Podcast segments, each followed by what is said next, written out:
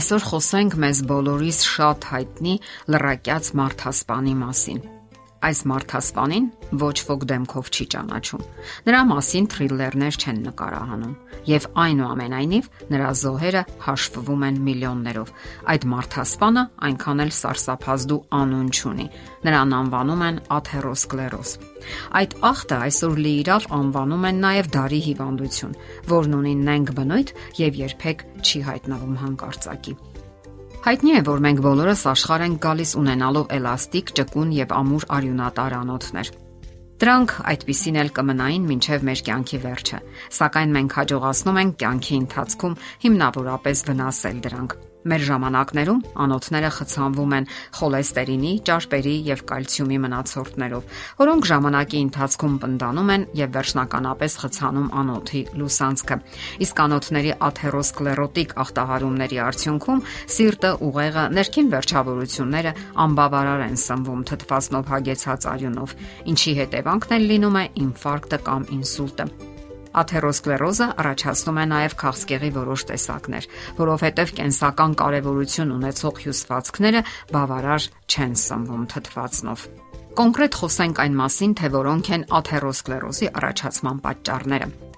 Այս հիվանդությունը հայտնաբերվել է 20-րդ դարի սկզբին։ Նկատել են, որ երբ ճագարներին կերակրել են մսով եւ հավի ձվերով, արյան մեջ խոլեստերինի մակարդակը չափազանց բարձրացել է, իսկ անոթների լուսանցքը զգալիորեն խցանվել է վտանգավոր մնացորդներից։ Հետաքրքիր հետազոտություն են կատարել հոլանդացի գիտնականները 1916 թվականին։ Նրանք ուսումնասիրել են Ճավա կամ Ինդոնեզիա կղզու բնիկ բնակչությանը, ուսումնասիրել նրանց կենցաղն ու սովորությունները կապ կապված սննդակարգի հետ։ Նրանք նկատել են, որ արյան մեջ խոլեստերինի մակարդակը շատ ցածր է տեղաբնակների արյան մեջ եւ ի տարբերություն Հոլանդիայի բնակչության նրանք չեն տարապում աթերոսկլերոզով։ Գիտնականները դրանից եզրակացրին, որ աթերոսկլերոզը կապ ունի սնվելու համակարգի հետ։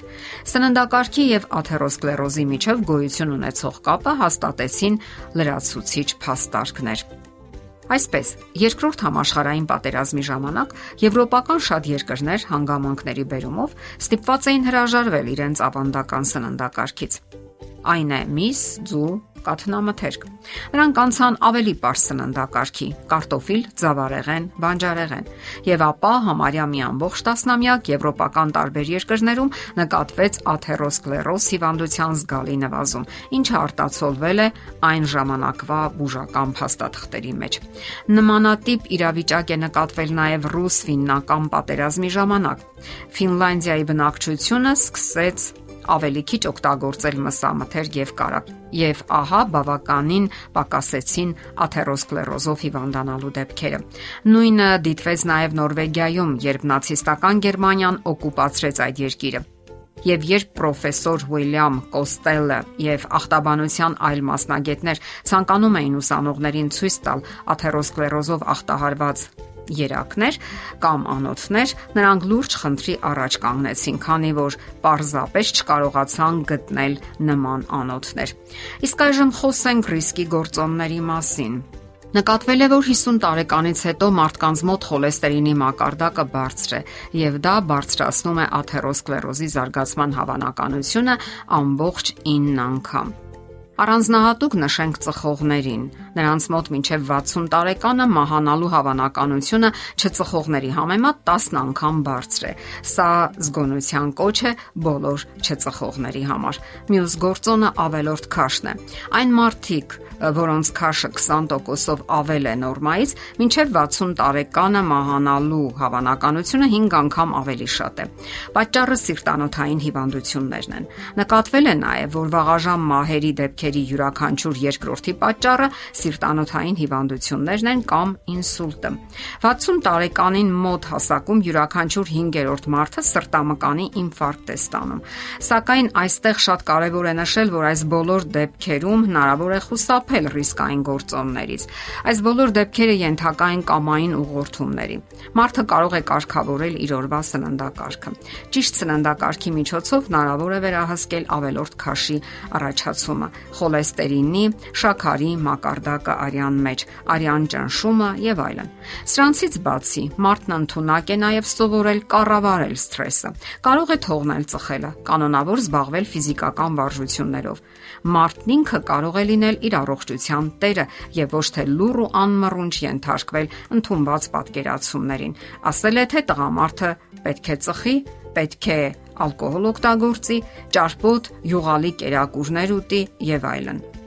Մարդն ինքը կարող է լինել իր առողջության տերը եւ ոչ թե լուռ ու անմռունչ ենթարկվի ընդունված պատկերացումներին։ Իսկ ընդունված պատկերացումների համաձայն տղամարդը պետք է ծխի, պետք է ալկոհոլ օգտագործի, ճարպոտ, յուղալի կերակուրներ ուտի եւ այլն։ Իսկ կոլաները, արագ սննդի վնասակար ուտեստները կամ նյարդային իրավիճակները, որոնք լիովին կարելի է վերահսկել։ Այսպիսով ջանքարեք եւ կարգավորեք ձեր կյանքը։ Դուք պատասխանատու չեք ձեր գենետիկայի համար, սակայն պատասխանատու եք ձեր արկա կենսաձևի համար։ Մի տրվեք սխալ արժե համակարգին եւ պատկերացումներին։ Ապրեք լիարժեք ճակատագիր գոյություն չունի։ Դուք եք կարգավորում ձեր ներկան ու ապագան։ Այդ հիվանդությունը աթերոսկլերոզը մի անգամ այն վերահսկելի է եւ կարելի է բուժել, սակայն բժիշկները նշում են, որ շատ հիվանդներ իրենց պահում են երեխայի նման, իմանալով նույնիսկ որ հիմնախնդիրներ ունեն կապված աթերոսկլերոզի հետ, ուշադրություն չեն դարձնում եւ սպասում են, որ այն կանցնի ինքն իրեն։ Անոթա նյարդաբան Նինա Հասանովան գրում է. Մեր ներքին երեխան է, որ իրեն այդպես է պահում։ Նա ցանկանում է բուժվել առանց բժշկի եւ առանց դեղամիջոցների, սակայն առողջական հիմնախնդիրը ինքն իրեն չի վերանում։ Ընթակառակը ձնագնդի նման այն ավելի է մեծանում, ընդգրկելով նոր հիվանդություններ։ Իսկ շատերն էլ մտածում են, որ դա ճակատագիր է եւ վերջ սակայն ճակատագրապաշտությունը ամենավատն է, որ միայն կարելի է պատկերացնել։ Ինչպես ասում են, Աստված օգնում է նրանց, ովքեր օգնում են իրենց։ Խուսափեք լրակյաց մարդասպանից, աթերոսկլերոզից։ Իսկ դա ընդհանրապես կամային որոշում է, որի պատասխանատուն միայն եւ միայն դուք եք։ Եթերում առողջ ապրելակերպ հաղորդաշարն է։ Հարցերի եւ առաջարկությունների համար զանգահարել 033 87 87 87 հեռախոսահամարով։